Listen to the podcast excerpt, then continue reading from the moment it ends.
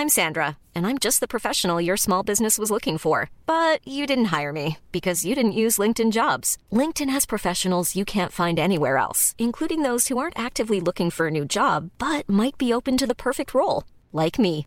In a given month, over 70% of LinkedIn users don't visit other leading job sites. So if you're not looking on LinkedIn, you'll miss out on great candidates like Sandra. Start hiring professionals like a professional. Post your free job on linkedin.com/people today. Burrow is a furniture company known for timeless design and thoughtful construction and free shipping, and that extends to their outdoor collection. Their outdoor furniture is built to withstand the elements, featuring rust-proof stainless steel hardware, weather-ready teak, and quick-dry foam cushions. For Memorial Day, get 15% off your Burrow purchase at burrow.com slash ACAST and up to 25% off outdoor. That's up to 25% off outdoor furniture at burrow.com slash ACAST. Millions of people have lost weight with personalized plans from Noom, like Evan, who can't stand salads and still lost 50 pounds. Salads, generally, for most people, are the easy button, right? For me, that wasn't an option. I never really was a salad guy. That's just not who I am. But Noom worked for me. Get your personalized plan today at Noom.com. Real Noom user compensated to provide their story.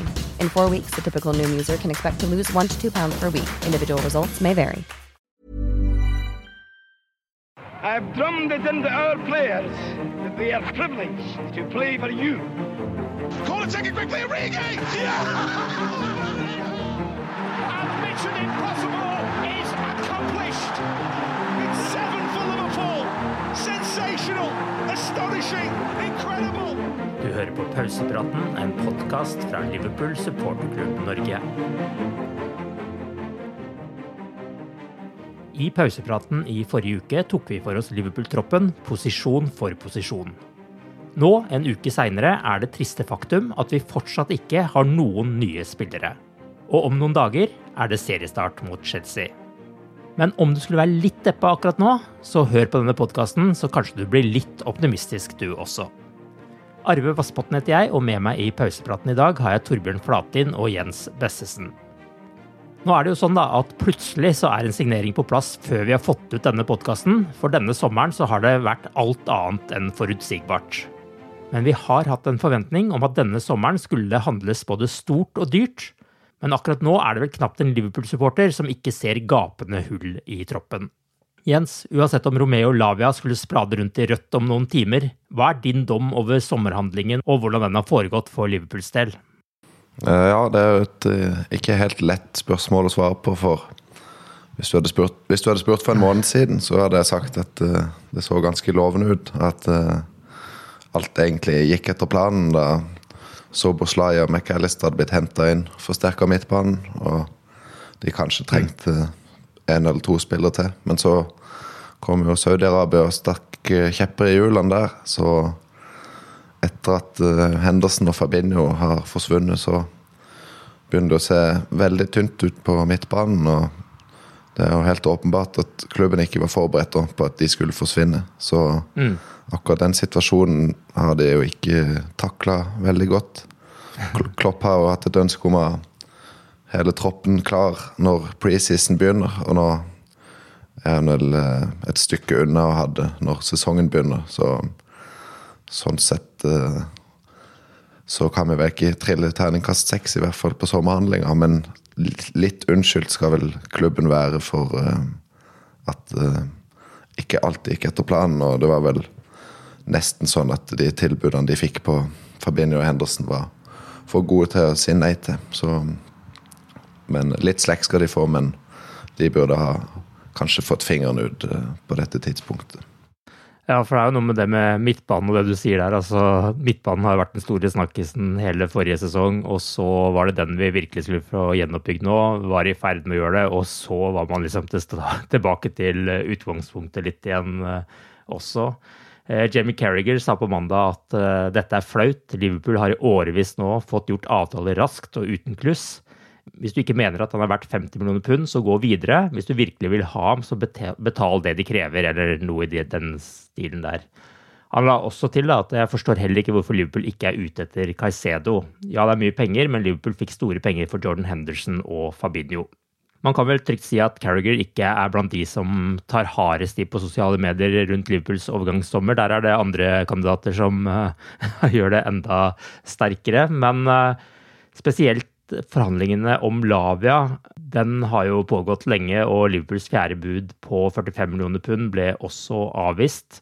Torbjørn, hva er din dom nå fire dager før Premier League-åpningen mot Chelsea? Nei, altså Det ligner jo ikke Liverpool FC. Uh, det er vel det Kæra òg er frustrert over. Eh, jeg syns jo den måten klubben nå opptrer i, i transfervinduet, egentlig eh, kjenner du deg ikke helt igjen i. Altså, det har vel vært eh, mange tilfeller før hvor, hvor Liverpool har vært lenge, lenge linka til en spiller, og ting har tatt tid. Men den dagen hvor det kommer et bud, Eh, så tror jeg veldig mange røde supportere nærmest forventa at da, da, ordner dette seg.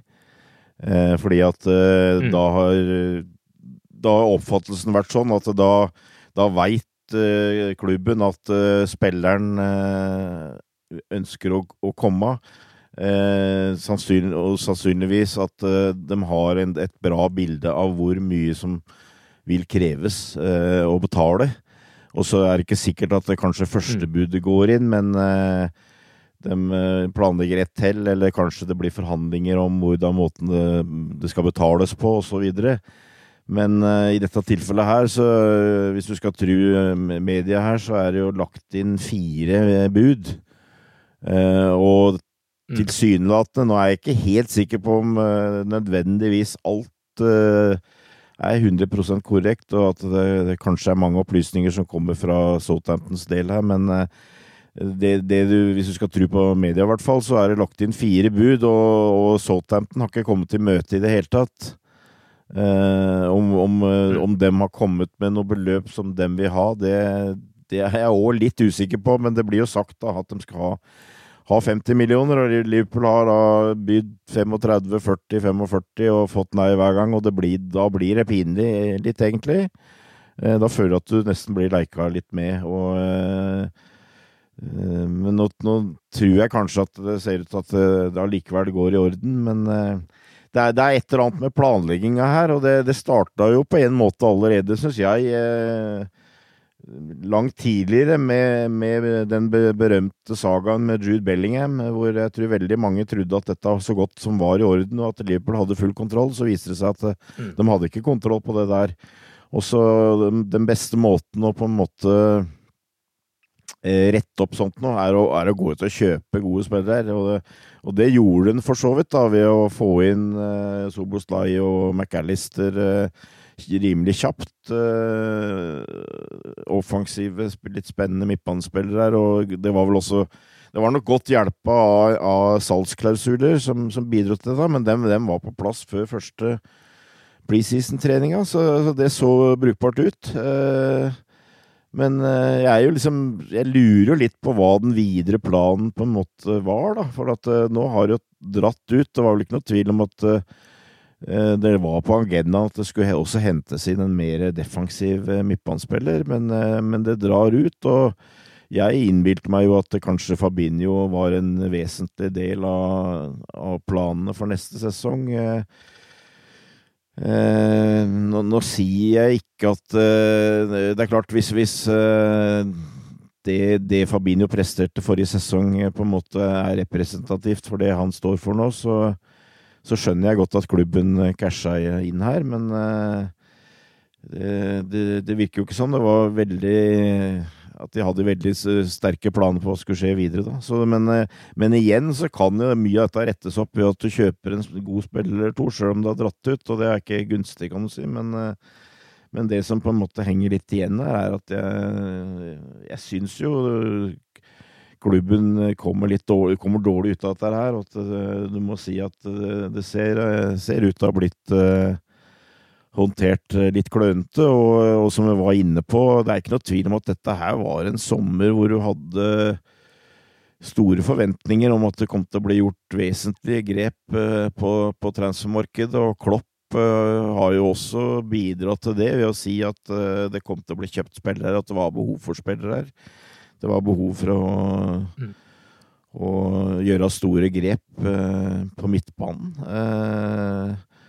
Og jeg, jeg, jeg, får liksom jeg, ser, jeg, ser, at det er klare forskjeller, men altså jeg får litt sånn flashback til 2013-14, hvor, hvor, Liverpool hadde et kjempeangrep og skåra over 100 ligamål og hadde Suárez, Sturridge, Coutinho, Stirling og, og snubla i kampen om ligamesterskapet på, på oppløpssida. Og, og, så har Suarez en avtale med klubben at han kan gå. og og uh, Mario Balotello og Ricky Lambert ble kjøpt inn for å erstatte den, og, i realiteten så går det mest i grus, holdt jeg på å si, og du er nesten tilbake til start.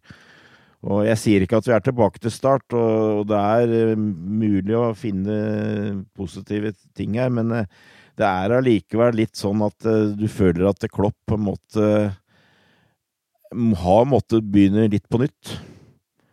Og at nå er det ganske mye usikre ting. Altså, vi har mista de mentale monstre, og det har vi jo sett over en nokså lang periode at det kom til å skje, men det, det ble ikke gjort noe. Eh, og eh, det, det, det, kan godt hende at vi når, når transfervinduet er ferdig, så er vi relativt fornøyd med de spillerne som har kommet inn, men de eh, de mentale monstra er på en måte borte. altså Den der intensiteten som var på midtbanen, den, den er ikke blitt erstatta. Så der er en jobb å gjøre, og det er det som gjør at jeg er litt sånn forsiktig optimistisk eh, egentlig nå framover, fordi at jeg føler at eh, det er veldig mye mye som eh, svever litt. Men eh, for å prøve å svare litt på det som var spørsmålet her, om dommen med transfervinduet, så eh, kan det rettes opp. Eh, personlig så ville jeg jo sagt at vi egentlig hadde hatt behov for å fått inn tre-fire spillere til, sånn som det er nå, at, i og med at Henderson og Fabinho har har gått til Saudi-Arabia, men det tror jeg ikke kommer til å skje. Jeg tror skal vi få inn en midtbanespiller og en forsvarsspiller, så tror jeg vi skal være ganske fornøyd. Eh,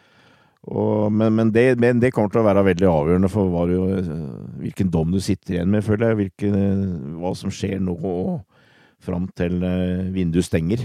Sportsdirektør Jørg Schmatke har vel ikke akkurat uh, oppnådd samme status som Michael Edwards i løpet av dette vinduet her, vil jeg tro. Men Jens, Torbjørn vil gjerne ha tre-fire nye signeringer, men sier seg noen noenlunde fornøyd hvis han får inn en defensiv midtbanespiller og en forsvarsspiller. Jeg regner med kanskje det er en uh, midtstopper du er ute etter da, Torbjørn? Eller en som også ja. kan vikariere litt på høyrebekken? Hva tenker du Jens? Hva er det du savner i laget per nå? Ja, Først og fremst er det jo et midtbaneanker, for det, det, har vi jo ikke for øyeblikket etter at Fabinho dro. Så mm. vi har sett jo Jones eller McAllister vikariere i rollen. Og så kan jo Bajsetic spille der når han blir frisk, men uh, ja, uansett, da, hvis de kjøper Lavia som eneste midtbanespiller, så vil vi ha en to 19-åring eller en 19- og 18-åring som de to alternativene på den posisjonen, egentlig. i Lavia og Bajsetic. Mm. Så eh, ja, det lukter litt sånn eh, en ny mellomsesong, kanskje. Kan liksom ikke forvente at eh, et lag der seks midtbanespillere forsvant fra forrige sesong, uh, kan fyre på alle sylindere fra første stund og være på sitt beste. I så fall blir jeg veldig positivt overraska, i hvert fall. Så det er jo sånn Laget ser veldig spennende ut, men uh, liksom ikke helt ferdig produkt enda. Så jeg frykter vel at det kan svinge litt, og så er vi jo veldig sårbare for skader og eh, kampbelastning. Hvis eh, ja, McAllister f.eks. ser allerede ut til å bli en veldig viktig spiller å ha tilgjengelig. Og det samme med mm. Soboslai. Hvis en av de eller begge skulle bli skada, da ser jo den midtbanen plutselig veldig tynn ut. Ja, jeg må innrømme at jeg holdt pusten i denne kampen hvor uh, McAllister lå nede til pause der og tenkte nei, nei, nei. og det sier jo litt. altså Vi har uh, sett noen få preseason-kamper og føler allerede at han er den viktigste spilleren omtrent på laget. Uh, sånn som det har blitt nå. Men Carriger jo, er jo innom Caicedo her. Nå er jo ikke han veldig gammel heller. Han er heller ikke en sånn 25-26-åring som man kanskje kunne sett for seg en rolle på defensiv midtbane. men Er dere enige med han at eh, det er kanskje en spiller som han like godt skulle gått for som eh, Lavia, når prisen allerede blir så høy som den er? Altså, Caicedo er vel 21 år, men allikevel har jo litt mer erfaring i Premier League og vist hva han er god for. Ja, han er vel 100 millioner, da, så pund ja. mot Lavia, som er 50. Så Cirka det dobbelte, det, da. ja, så ideelt sett Han er jo en sånn spiller som er sånn eh, signering som du vet styrker laget. Selv om han bare er 21, så har han jo vist at han har mm. det nivået inne. Så han jo, kunne vært en sånn ny Fabinho-type, på en måte. Men eh, han er vel Har vel litt mer i spillet sitt òg enn Fabinho har. Men eh, det er vel spørsmål om de har råd til det, da. Hvis de skulle punge ut 100 millioner for han, så tviler jeg i hvert fall på om det kommer en, en forsvarsspiller eller en midtbanespiller til. Så ja. Det er vel uh, De pleier jo ikke å være med og kjempe om spillere i den prisklassen, så jeg har mine tvil. Skjønner. Det er et godt poeng, det. Torbjørn, ville du hatt Caicedo? Ja, det, det ville jeg hatt, men jeg er enig med Jens. Jeg tror det er lite realistisk. Jeg tror ikke Liverpool kommer til å bla opp 100 millioner pund på en spiller. Uh, det er noe av greia her, altså, men det, det, det, må vel kanskje på en måte bare akseptere. Men altså, det er klart eh, Jeg, ser jo Romeo Lavia er en spennende spiller, og mm, jeg innbiller meg at det, det, var på en måte en som var ment at Liverpool skulle bygge på, og på en måte innføre på laget. At han skulle være nærmest en sånn At uh, kanskje Fabinho skulle være en læremester for han.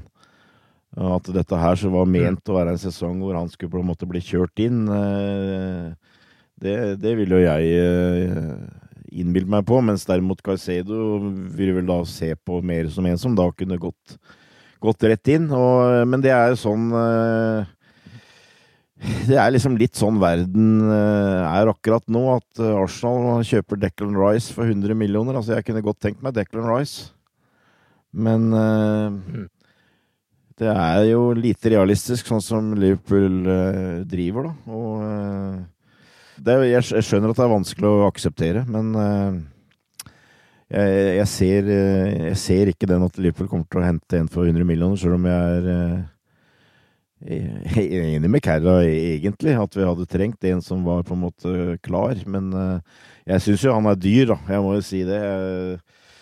Uten at jeg er uh, ekspert på Caicedo, så så syns jeg Brighton har skrudd opp mye her. hadde du fått den for 60-70, så hadde situasjonen vært en helt annen. Men det er vel lite trulig ut fra det som har vært, vært uh, framme. Så um, Nei. Uh, det bunner og det blir litt sånn som hakk i plata her, altså. Men du må stole på Klopp og hva som er igjen av den transfer-komiteen, eller de gutta der. At dem greier å trylle litt her. At vi får ekstremt mye for penga. Men sånn som Jens også var litt inne på jeg jeg har vel en magefølelse på at det kan bli et spennende sesong, men at uh, det også er en At uh, om man ikke er tilbake der han uh, som, han, som Liverpool var når, han, når, Klopp kom, så er vi satt tilbake, og det vil Jeg er redd for å ta minst en sesong eller to før vi kanskje er helt der vi ønsker. Så er det klart, Når man snakker om en sum på 15 millioner pund for en 19-åring, så er jo også det en veldig høy, høy, sum. Det er liksom noe annet når man eh, kjøpte eh, unge spillere for 20 millioner pund, ikke sant, som man kunne foredle. fordi når det kommer opp i 50 millioner pund, da er du på en måte i en priskasse som gjør at du egentlig må levere fra start. Nesten uansett eh, hva slags alder du er i. Så det, det er jo et moment der. Hi, I'm Daniel, founder of Pretty Litter. Cats and cat owners deserve better than any old fashioned litter. That's why I teamed up with scientists and veterinarians to create Pretty Litter. Its innovative crystal formula has superior odor control and weighs up to 80% less than clay litter. Pretty Litter even monitors health by changing colors to help detect early signs of potential illness. It's the world's smartest kitty litter. Go to prettylitter.com and use code ACAST for 20% off your first order and a free cat toy. Terms and conditions apply. See site for details. Burrow is a furniture company known for timeless design and thoughtful construction and free shipping, and that extends to their outdoor collection. Their outdoor furniture is built to withstand the elements, featuring rust-proof stainless steel hardware, weather-ready teak, and quick-dry foam cushions. For Memorial Day, get 15% off your Burrow purchase at burrow.com slash ACAST and up to 25% off outdoor. That's up to 25% off outdoor furniture at burrow.com slash ACAST. Hiring for your small business? If you're not looking for professionals on LinkedIn, you're looking in the wrong place. That's like looking for your car keys in a fish tank. LinkedIn helps you hire professionals you can't find anywhere else, even those who aren't actively searching for a new job but might be open to the perfect role. In a given month, over 70% of LinkedIn users don't even visit other leading job sites. So start looking in the right place. With LinkedIn, you can hire professionals like a professional. Post your free job on linkedin.com slash people today. Millions of people have lost weight with personalized plans from Noom. Like Evan, who can't stand salads and still lost 50 pounds. Salads generally for most people are the easy button, right? For me, that wasn't an option. I never really was a salad guy. That's just not who I am. But Noom worked for me. Get your personalized plan today at Noom.com. Real Noom user compensated to provide their story. In four weeks, the typical Noom user can expect to lose one to two pounds per week. Individual results may vary. Hey there, it's Michelle Norris. I'm host of a podcast called Your Mama's Kitchen. When I travel, I'm usually looking for a way to find a taste of home when I'm not at home. And one of the things I love to do when I am at home is entertain. And Airbnb allows me to do that. When I was in California recently, I rented a house that had a great kitchen. And when we were sitting around the table, we're all thinking, we're in someone else's house. Someone could be in all of our homes as well. If you have a home, but you're not always at home, you have an Airbnb. Your home might be worth more than you think. Find out how much at airbnb.com/slash host. Men i dette overgangsvinduet så har Liverpool da hatt nettoutgifter på 43 millioner pund, eller 52 millioner euro, som jeg tar med nå bare for sånn sammenligningsgrunn. Fra Liverpool vant Premier League i 2019-20-sesongen, og til nå så har Liverpool hatt nettoutgifter på 193 millioner euro. Av lagene som ble topp ti i fjor, og så tar man med Chelsea i tillegg, så er det bare Fulham, Brentford og Brighton som har brukt mindre penger enn Liverpool.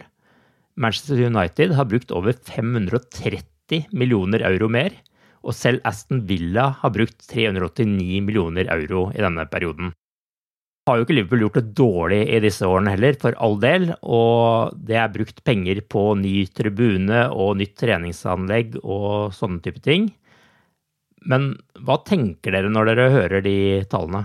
Ja, altså Det er jo ting vi har vært inne på før, og jeg, jeg Det er en av årsakene til at jeg ikke er den største fan av FSG.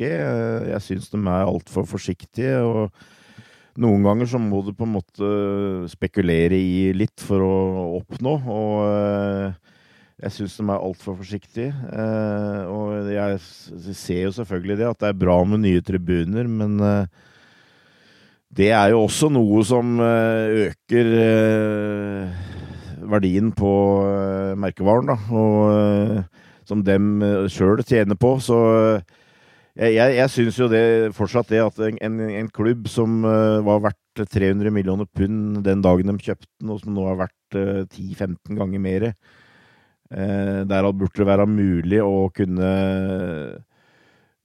bla opp noe mer penger i, så, sånn at det kommer større verdier på banen.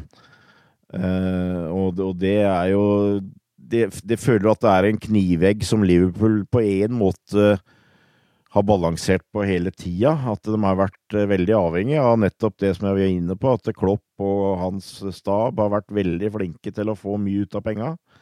Og brukt lite penger, har kjøpt mm. lite feil.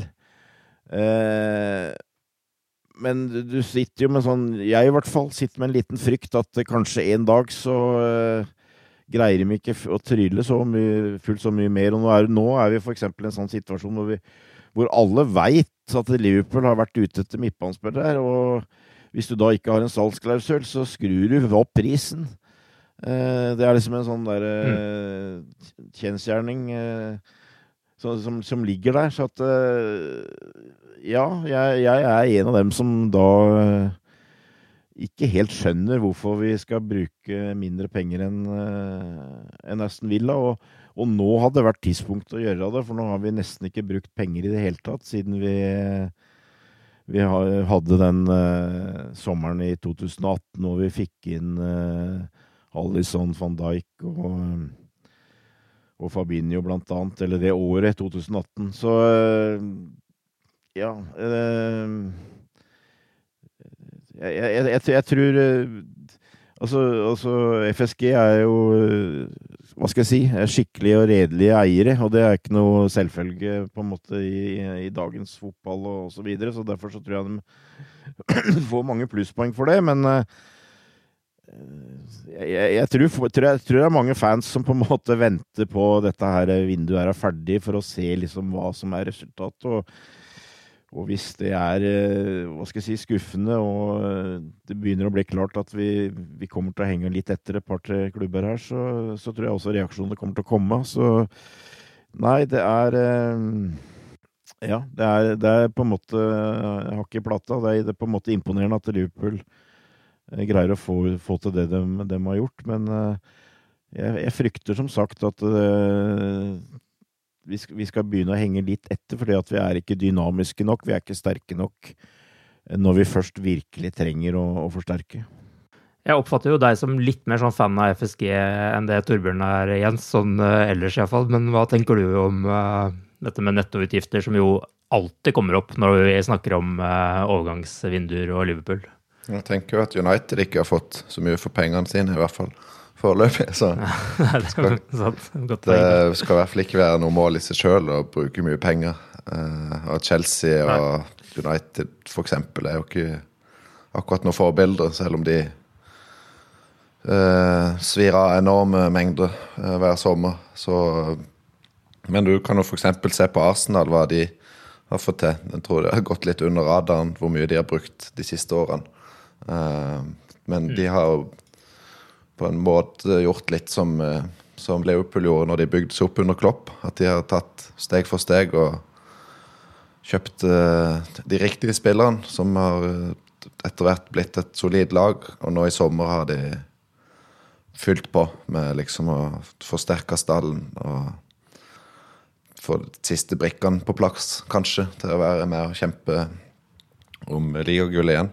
Så på en måte litt uh, enig i at uh, man kunne tatt litt mer risiko, men samtidig er det jo, sånn det blir nevnt, uh, investert mye i klubben. Og, Liverpool har hatt høyeste, eller nest høyeste lønnsutgifter i ligaen i noen år nå.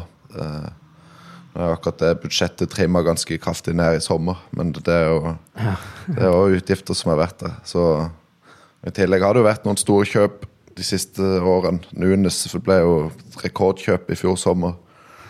Eh, og Louis Diaz kom inn før det, og Gakpo. Så de har jo i hvert fall forsterka angrepet de siste overgangsvinduene. Så kan man jo mm. diskutere om det var riktig å bruke 60-70-80 millioner på Nunes i fjor, når uh, du så at uh, midtbanen begynte å være på hell. Og så er det jo en annen ting at ikke vi har hatt en spiller som Coutinho, som uh, har blitt solgt igjen. Det var han som finansierte uh, van Dijk og Alison uh, omtrent. Så jeg var egentlig veldig heldig med det salget. Vi hadde kanskje ikke fått så mye trofeer hadde det ikke vært for at Barcelona betalte blodpris for han. Så jeg jo egentlig ja, liker den måten å gjøre det på som FSG eh, driver. Og så blir det vanskeligere og vanskeligere å henge med når eh, pengegaloppen er som den er i Premier League. Men uansett så tar jeg de over en sånn eh, slesken eier eh, hver dag. Men, men, tenker du at de kanskje burde endra litt strategi og tatt litt mer risiko på overgangsmarkedet, til tross for at de har den strategien de har? Da? At de måtte, at de måtte kunne ha sluppet opp litt mer enn de tilsynelatende gjør. Ja, hvis du en, sånn, hvis du har en konkret spiller som uh, du vet du vil ha Nå vet du ikke mye hvordan det foregår i kulissene, eller hvorfor f.eks. Bellingham glapp, men uh, si at de, de Klopp var absolutt ville ha Caicedo og mener at uh, han, er det, han er den de trenger for å vinne Premier League, og han kan på en måte garantere topp fire hvis de blar opp 100 millioner pund for han, så tenker jeg at da burde man kanskje gjøre det. Men det, det finnes jo ingen garantier heller. Så, og det går fort nedover hvis du begynner å få underskudd og, og prestasjonene ikke er der. Inntektene forsvinner fra Champions League, f.eks. Så, og når det er så, nå er det såpass høyt nivå i Premier League at uh, det er et litt skummelt Det er litt minefelt å skulle eh, ta for mye risiko. Du nevnte jo Arsdal og at det har gått litt under radaren hvor mye penger de har brukt, og det er jo et veldig godt poeng. Den eh, oversikten jeg refererer til, som er i en sak på liverpool.no, som da gjelder fra 2019-2020-sesongen, Eh, så har altså Manchester United brukt 730 millioner euro. Arsenal 684 millioner euro. Chelsea 543 millioner euro. Tottenham 511 millioner euro. Newcastle 486 millioner euro. Aston Villa 389 millioner euro. Manchester City 320 millioner euro. Og Liverpool 193 millioner euro. Og Fulham, som er da etter Liverpool, har 139 millioner euro. De har jo vært nede i championship eh, også, bare for å ta den oversikten. Og det er nettoutgiftene deres. Men vi skal snakke litt uh, fotball også, nå som seriestarten starter. Vi har vel snakka fotball for så vidt, men uh, enda mer. Liverpool har jo nå gjennomført en preseason med tre seire, én uavgjort og ett tap. Og 18-11 er målforskjellen. Mot egentlig ganske svake motstandere, om man ser bort fra Bayern München, som var det eneste laget som også vant disse preseason-kampene. Nå skal vi jo selvsagt ikke legge for mye vekt på de kampene, verken offensivt eller defensivt eller på midtbanen eller noen ting, men det er jo de kampene vi har da, til å bedømme laget på akkurat nå.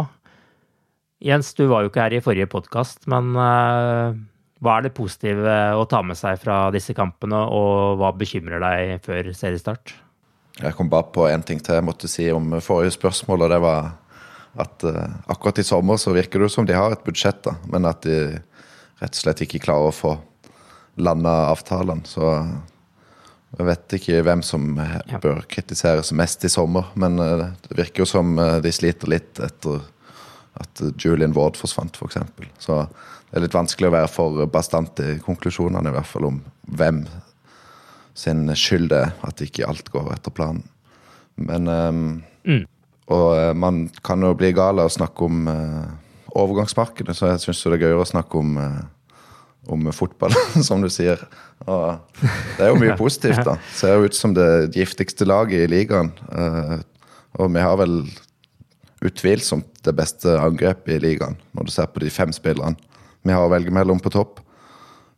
Sala ser jo ikke ut til å bli noe dårligere. Og Gakpo og Nunes eh, blir varmere og varmere i trøya. Diaz og Jota har fått eh, god tid nå til å trene seg i form. Så jeg tror det er ikke mange lag som skal klare å, å stenge for den gjengen eh, gjennom sesongen. Så kan det jo virke som Klopp nesten har gått tilbake til heavy metal og kjører bare på. Satser på å skåre mer enn motstanderen, selv om det renner inn noen baklengsmål. Eh, og det kan jo lykkes, det, altså, når du ser uh, hvilken form de angrepsspillerne tilsynelatende er i. Uh, og det fører meg egentlig over til hva som er største bekymringa, er jo selvfølgelig det defensive.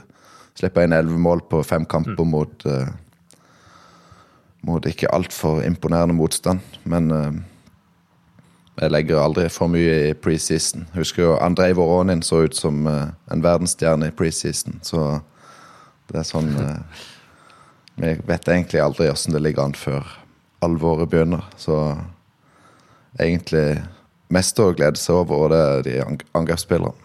Ja, men eh, det er klart eh, mange av disse målene har jo kommet med vår antatt beste forsvarsoppstilling også, så det, jeg klarer ikke helt å fri meg fra den. Men heavy metal-fotball er jeg med på, det er gøy. og det, det, er jo det som er underholdninga med Liverpool når de er i det, det, slaget. Så det kan jo gjøre at sesongen blir veldig morsom, iallfall. Du da, Torbjørn. Eh, Hva tenker du om uh, laget nå? Ja, det er jo mye, mye, av det, mye, av det, samme.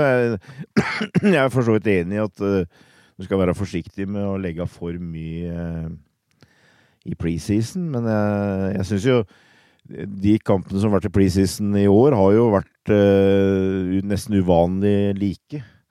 Altså, vi skaper mye sjanser, vi skårer mål. Uh, og vi slipper til eh, store sjanser. Sånn har det vært egentlig hver eneste kamp.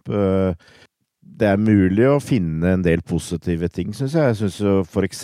den første omgangen mot Bayern var veldig bra. Men til og med der slapp vi inn to mål, og vi hadde vel 2-2, selv om jeg syns vi var klart beste laget i den første omgangen når vi hadde toppa lag, og Bayern vel òg hadde ganske toppa lag.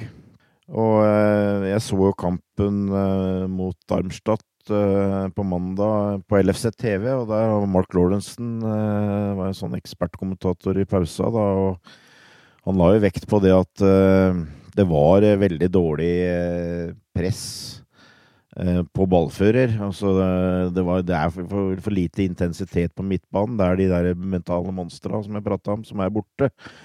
Eh, og selvfølgelig, det er lov til å håpe at det blir bedre når alvoret begynner, for det er noe som ofte på en måte i hvert fall er veldig ujevnt under preseason, eh, den biten der. Men jeg, jeg greier ikke helt å se det. Jeg, jeg har jo sitter jo med en følelse av at her kan det bli en del fire-tre-kamper. og og den dagen hvor eh, angrepsspillet ikke funker, så, så jeg har jeg en frykt for at vi kanskje kan gå på ei annen blemme som vi eh, ikke har gått på så mye de siste to-tre åra. Så, så jeg, jeg, mm. jeg, frykter litt en sånn prosess her, at vi må på en måte eh, bygge opp laget og sette av laget. Eh, og, eh, men eh, men ja, hvis jeg skal se litt nærmere på de eh, positive tinga, så definitivt. Vi har en femmer der, og jeg,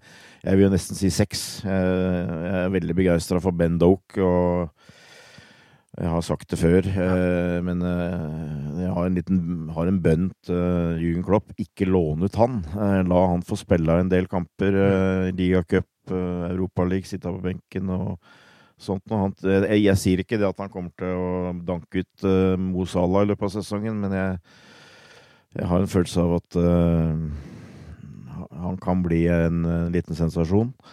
Uh, og så er jeg gleder meg å se at det er midtbanespillere som skyter.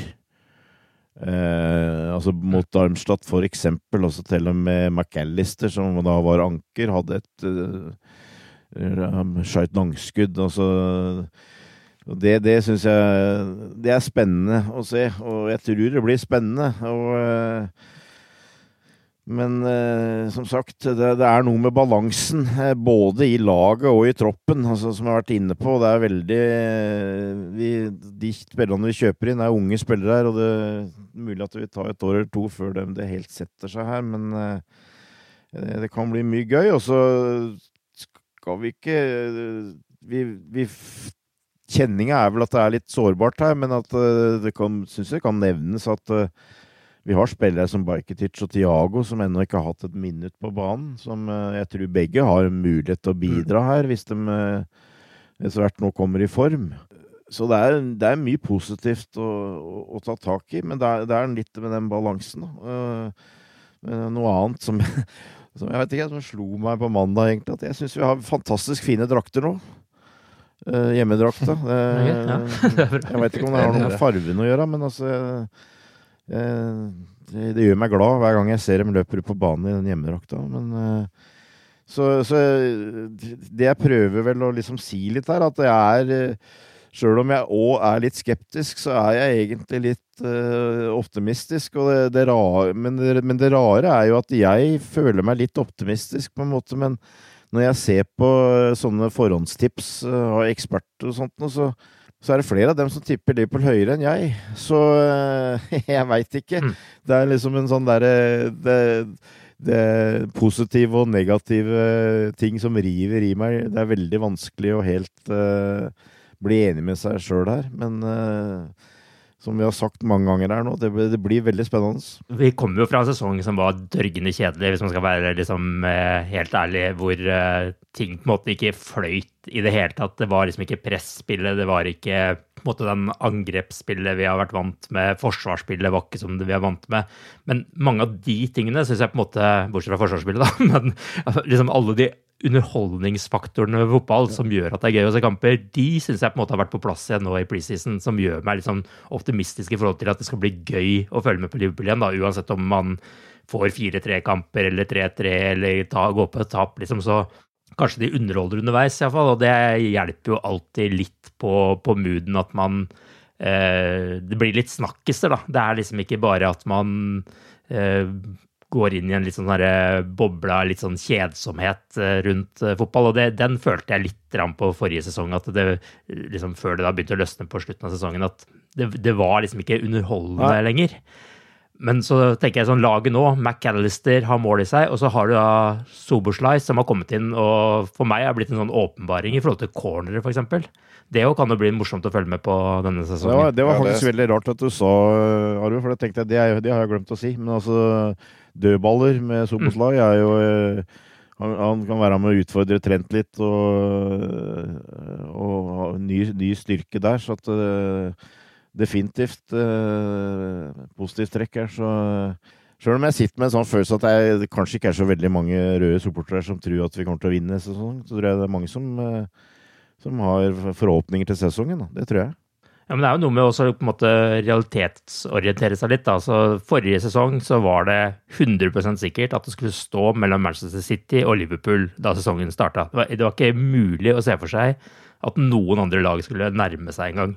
Og så kommer Arsenal inn og gjør det veldig bra. Liverpool gjør det dårlig. United eh, tar noen steg. Mens nå har vi på en måte Det er jo noe helt annet også når man går inn i en sesong og forventer å komme topp fire, eh, eller kjempe om topp fire, enn når du går inn i sesongen og ønsker en ligatittel også. Eh, det er jo noe med innstillinga til en sesong også, at nå vil ikke hvert eneste hver eneste uavgjort føles som et gedigent tap. Eh, og sånne type ting, eh, som gjør det kanskje litt enklere å være supporter, hvis man skal være litt sånn ærlig på det. Jeg er veldig enig, og det er sånn den der eh, våren 2022, når, når vi kjempa på alle fronter Det ble nesten for mye av det gode. For det at når du skal kjempe om gullet med City, så Ja, tar nesten litt av gleden bort når liksom du kan ikke spille en eneste uavgjort, og det blir uh, muggen stemning uh, omtrent underveis i kampen hvis de ikke tar ledelsen. Så det å være litt sånn mm. angrepsposisjon, utfordrer uh, outsider-rolle, det passer jo Klopp og, og Liverpool godt, det òg. Å kunne komme litt mm. Eh, ja, fra, fra, ikke ingenting, akkurat, for det er et veldig bra lag og, og sånn. Men uh, ja, det er som du sier, det er mye nytt. Det er, det er spenning knytta til laget. Uh, så hvis man bare legger fra seg den der eh, jaget etter ligagull, så kan det fortsatt bli en veldig gøy sesong. Det er Europa League. Det er bedre muligheter for å vinne det trofeet enn hvis vi hadde vært i Champions League, og det gir muligheter til å se flere spillere i aksjon. Så sånn rent supportermessig så tror jeg det kan bli en veldig gøy sesong. Jeg tror også på en måte, de der nye regelendringene som gjør at eh, kampene kommer til å bli lengre, det kommer vi sikkert til å snakke mye mer om eh, i seinere podkaster, så jeg hadde egentlig ikke tenkt å ta det med nå. Men jeg tror på en måte sånne type endringer eh, der man legger opp til at ballen skal være mer i spill, også vil slå positivt ut for Liverpool. Da. Spesielt sånn i forhold til det å score på overtid og sånne ting. Det har vi jo sett mange ganger før at Liverpool er et lag som holder eh, lenger enn andre og har muligheten til å skåre på overtid. Så akkurat den endringen tror jeg faktisk kommer til å slå positivt ut for Liverpool, selv om det kanskje også kan føre til mer skader og sånt som ikke som Liverpool er veldig sårbare for. Men jeg har fått håp på at eh, den endringen skal gi en positiv effekt for Liverpool, jeg, da. Ja, og vi, har, og vi har, nevnt at vi har, har fem-seks angripere her. Altså, det bør jo være noen joker her som kan komme fra benken mm. her, for eksempel. Ja, så det, det mm. tror jeg òg kan være et, eh, et pluss. Ser for meg Shota som nye David Fairclough i løpet av sesongen her.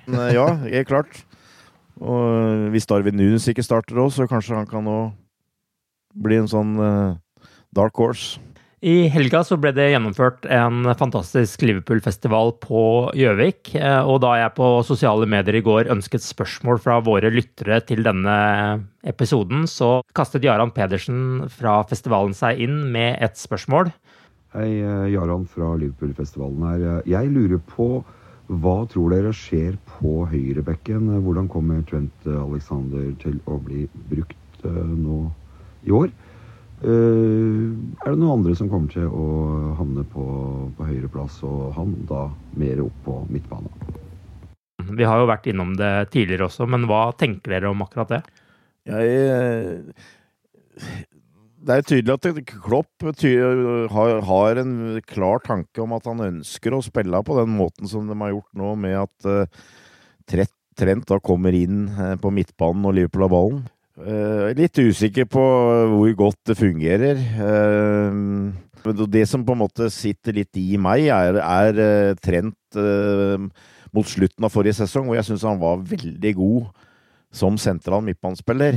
Og, og, og jeg, jeg, jeg, har, jeg, har, en tanke om at jeg kanskje ønsker at han skulle vært der fast mer, men sitter jo med at det kanskje det er en del, del pluss med det, men uh, kanskje også en del minus. da, At vi er mer sårbare med at den høyresida blir åpen. Uh, det virker jo som at uh, Andy Robertsen, syns jeg, på en måte ikke greier Ikke får vært med like mye, på en måte, når Liverpool spiller på den måten, med, med to som er bak der.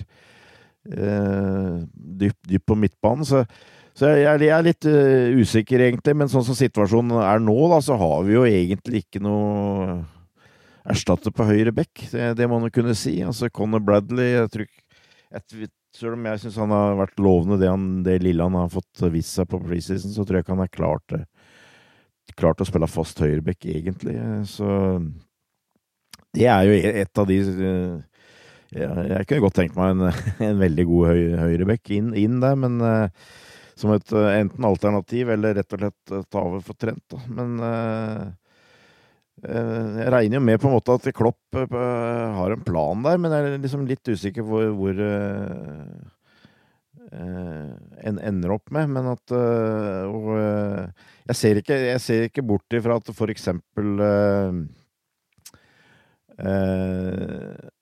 at, at, det kanskje kommer da at, at nå har vi ordna midtbanen eh, i år, og så kanskje blir det mer fokus på å hente inn en forsvarsspiller eller to til neste sommer. Jeg er kanskje litt eh, defensiv og pessimistisk her, men at eh, det går litt sånn at det da, at det da Trent nettopp kommer til å få en framtid som en, en sentral midtbanespiller. At Liverpool kommer til å spille litt annerledes, kanskje, med to som sitter. Men Uh, ja, eh, nå føler jeg at jeg har gått litt rundt grøten her òg, men eh, jeg, jeg, må, jeg, jeg, greier, greier, i hvert fall ikke å fjerne den følelsen jeg hadde mot slutten av forrige sesong, hvor jeg syns Trent var glimrende som sentral midtbanespiller, og egentlig fikk en sånn liten aha-opplevelse med, med, måten han var i stand til å fordele spillet på, slå pasninger, lange, korte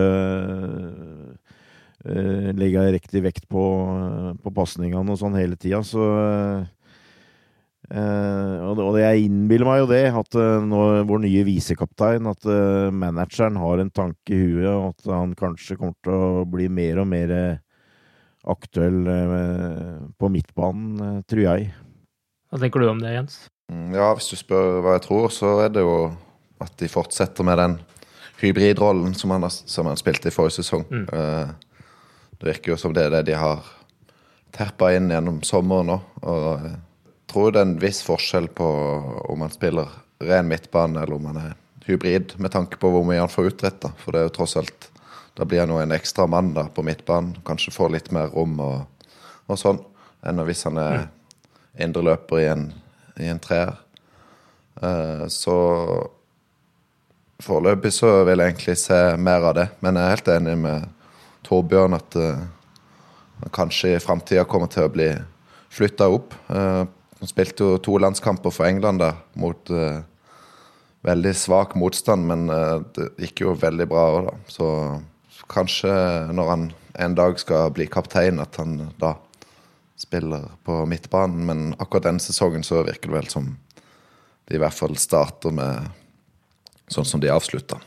Men jeg tror også det er et poeng at uh, når han kommer fra bekken der, så har han på en helt annen rolle hvor han ikke på en måte kan bli markert ut eller sånne type ting, og få mye mer rom til å gjøre de tingene han er god på med å slå langpasninger og styre spillet og den type ting. Men uh, utfordringen er jo selvsagt, som vi også så forrige sesong, å klare å tette det rommet bak han, og det, det er vel der det store spørsmålet ligger rundt uh, akkurat det der. Det er jo bare Konaté som klarer, virker det som. At uh, det blir kraftig svekka hvis Matip uh, f.eks. spiller der, for han har ikke den samme farta, f.eks. Mm. Så det er kanskje noe de må tenke litt på, da. Hvis Konaté er ute, så uh, burde de kanskje spille litt mer forsiktig.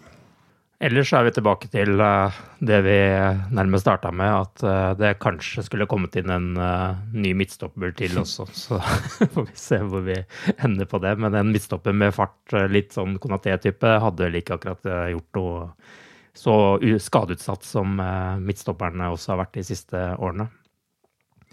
Men Jaran sitt spørsmål her er naturligvis ikke det eneste store spørsmålet før Chelsea-kampen. Du skrev jo om det tidligere i uka, Jens, og nå skal du få svare på dine egne spørsmål her også. Curtis Jones eller Alexis McAllister i den dype rollen på midtbanen. Cody Gakpo som indreløper eller som angrepsspiller. Og jeg legger til hvem skal begynne på topp? Det er vel eh, tre av de andre store spørsmålene. Hva er svaret ditt på det? Um, tror jeg ville hatt Jones kanskje som uh, den dype. Uh, og så med McAllister og Soboslai på hver sin side. Da tror jeg mm. Det tror jeg er en solid midtbane som uh, kan hamle opp med Chelsea.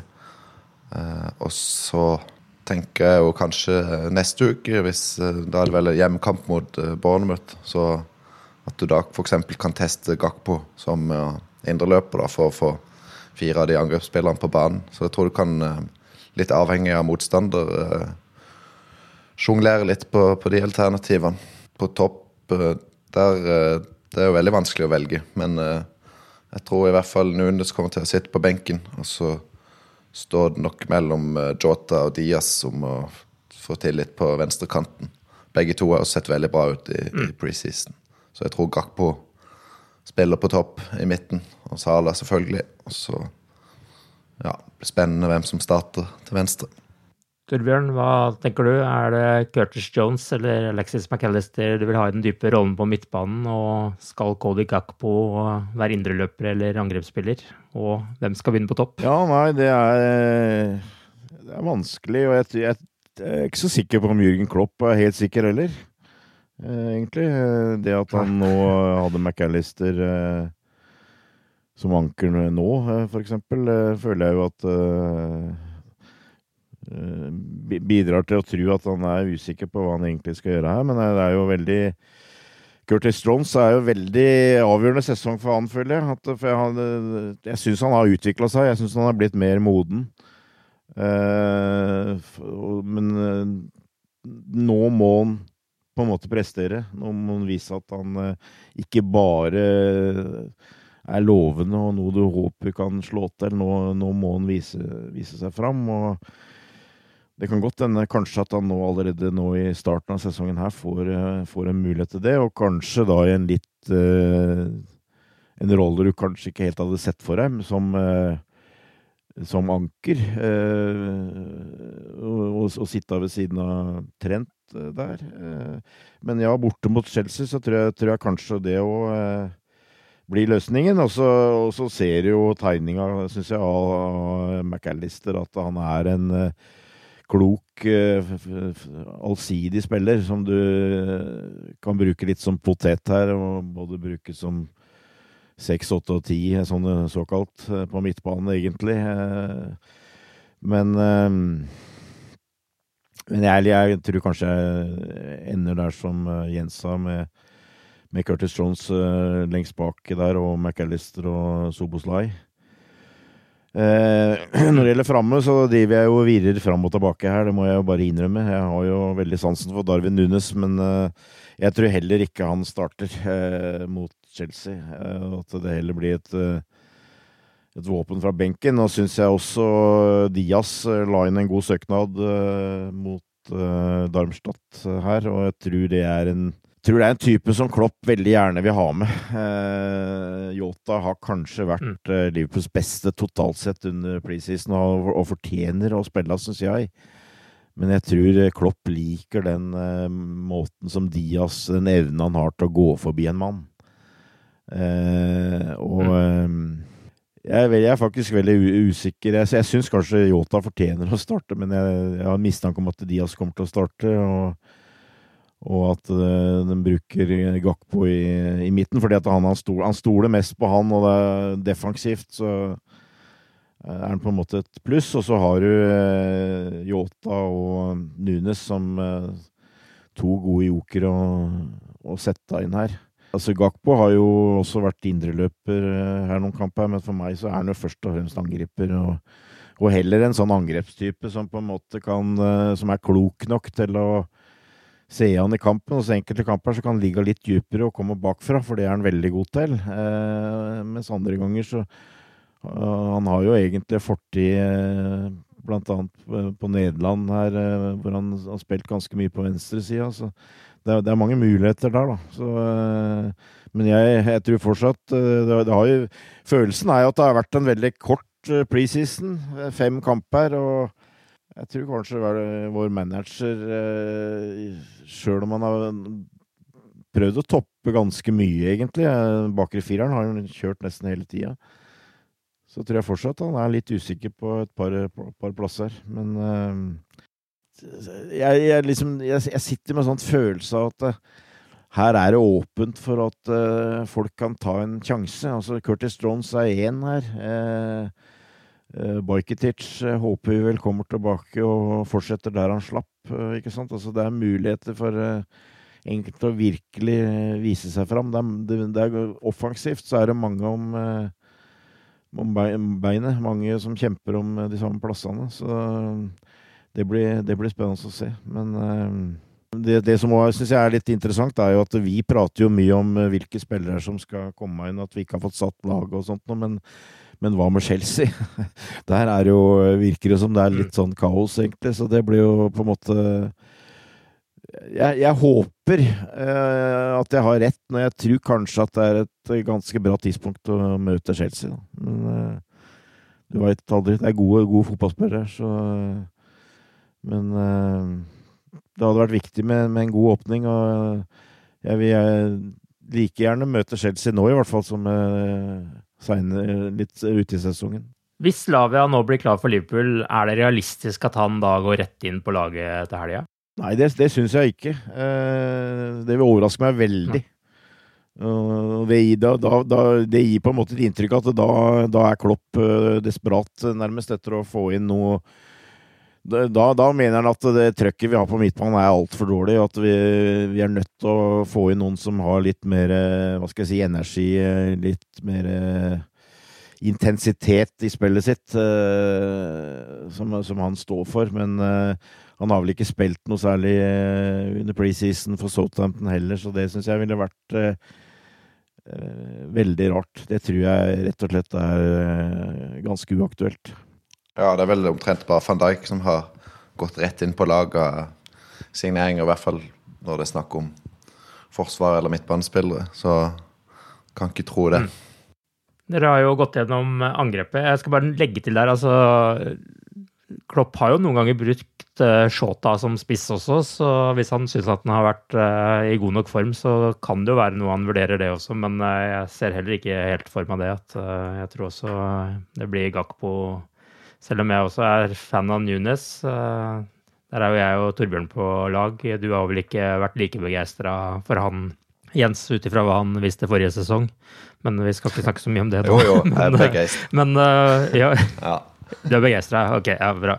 Ja. Men du har vært litt kritisk til han også, da. Men Men det kommer til å endre seg denne sesongen her, det er jeg sikker på. Men, men laget ellers mot Chelsea, hvordan tenker dere der? Alison er jo selvskreven. Trent er vel da på høyrebekken for dere alle. Van Dijk og Konaté i midtforsvaret, regner jeg med, og Robertsen på venstrebekk. Ja. Er dere enig i det? Ja, så, så, til å være litt sånn usikkerhet, så høres jo Elveren relativt satt ut. Så. Ja, og det er vel egentlig kanskje litt det som er greia med Liverpool nå, da, at man har altså Bortsett fra angrepet eh, som man kan veksle i alle mulige retninger og få egentlig like gode resultater, så er vel egentlig hele poenget her at det beste laget Liverpool kan stille, er veldig bra. Men fordi vi vet det kommer skader og andre ting, det er jo da usikkerheten kommer til å komme. Ja, vi, er, vi er mer sårbare, definitivt. Helt klart. Med Eh, men eh, jeg, jeg, tror også Klopp føler at uh, eh, Sjøl om jeg er helt enig i at den startoppstillingen ser bra ut, så er det et eller annet med balansen der som gjør at vi da f.eks. hadde hatt veldig lyst til å ha hatt en litt mer sånn kynisk ballvinner inn der. Selvfølgelig, det hadde vært fantastisk moro hvis Curtis Jones hadde kunnet greid å gå inn og på en måte utfylle en sånn rolle. Eh, men det, men det, er et eller annet med noen sånn råhet eh, som gjør at eh, som, jeg, som, jeg, sitter med en sånn følelse mangler der. som det er, det er, et eller annet med balansen som fortsatt mangler. Men, men ja, det er, ikke, det er, ikke, mye å utsette på den startoppstillinga. Det syns ikke jeg heller. Som de siste årene så har vi en egen fantasyliga for supporterklubben, og der er det fine premier å vinne. Eh, gå inn på liverpool.no for å se hvordan du kan delta i den. Men for de som da skal sette opp sitt fantasylag nå, noen eh, kjappe råd fra dere. Hvilke tre spillere ville dere valgt ut fra Liverpool, og hvilke tre ville dere droppet, rett og slett pga. usikkerhet om de starter eller ikke? Jens, du kan jo starte der. Um, Sala må man jo ha. Uh, og Trent mm. må man jo alltid ha. Så da mm. Sistemann um, Du kan f.eks. gå for Jota, som skårer hver gang han spiller, men sitter litt på benken. Men kanskje Soboslai, da, pga. corneren.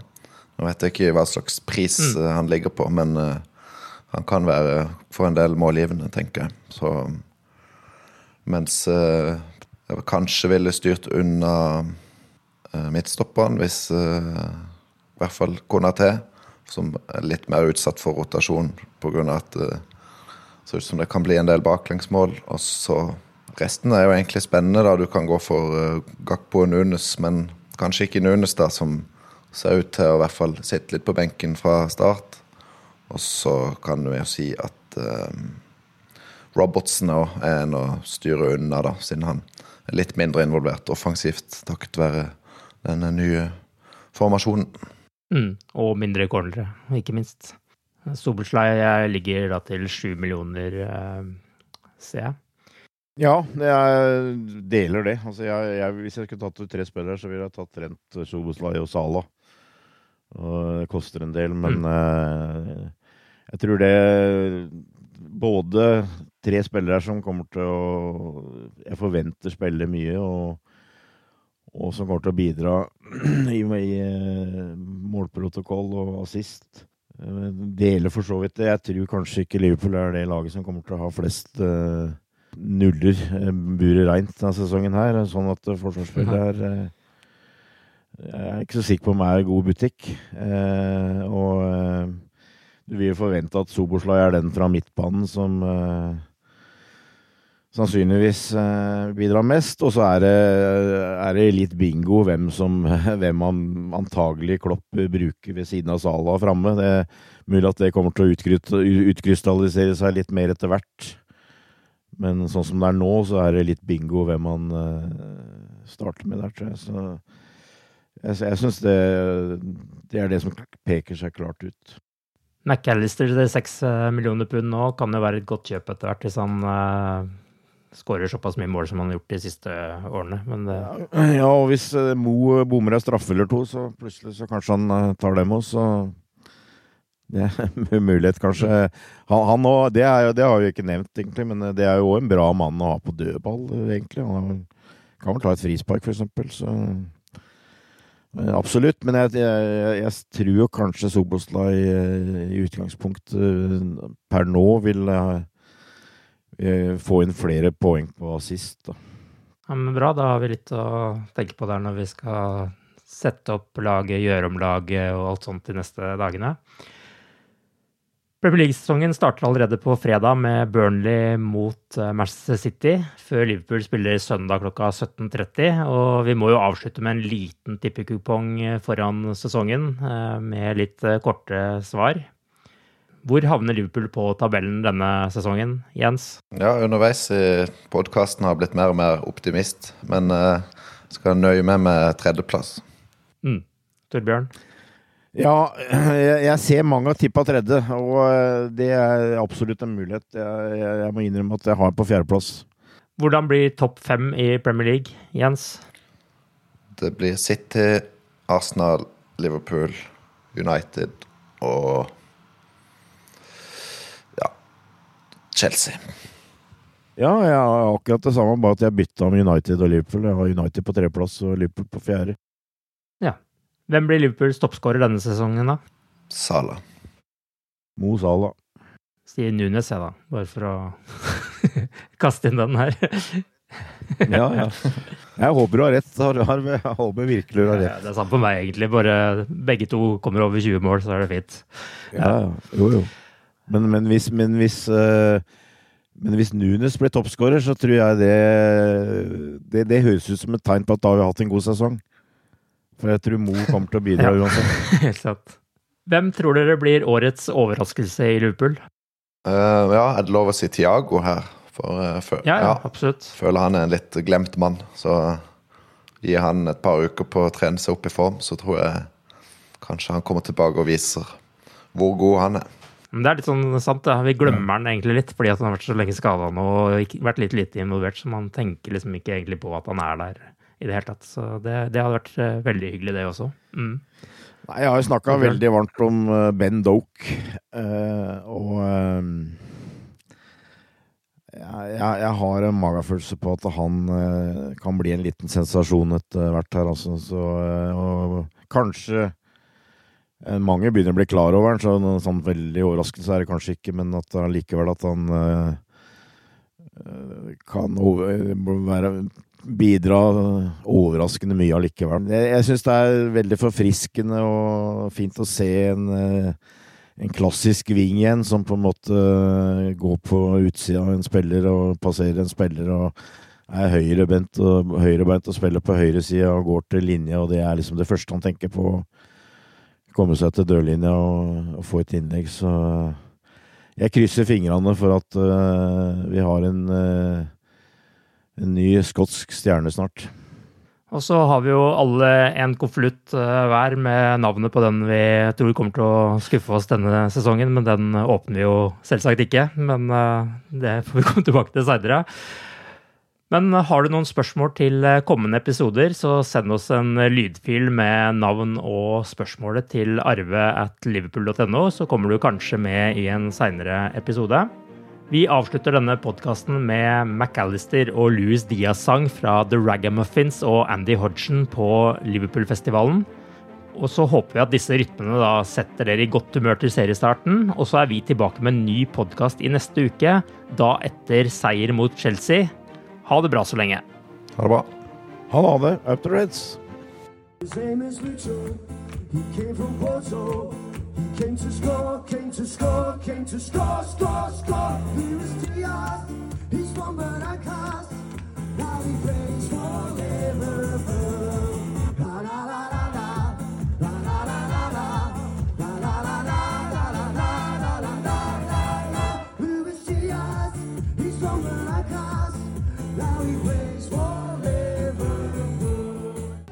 Oh, he's Ali, Ali, Ali, Ali, Ali, Ali, Maka. And he came from Argentina to Liverpool. Oh, we love all of your passes and all of your tackles. But the couple go berserk when you score. The best word I can say, but uh, will describe this was boom. Ooh, what was this? It was really good.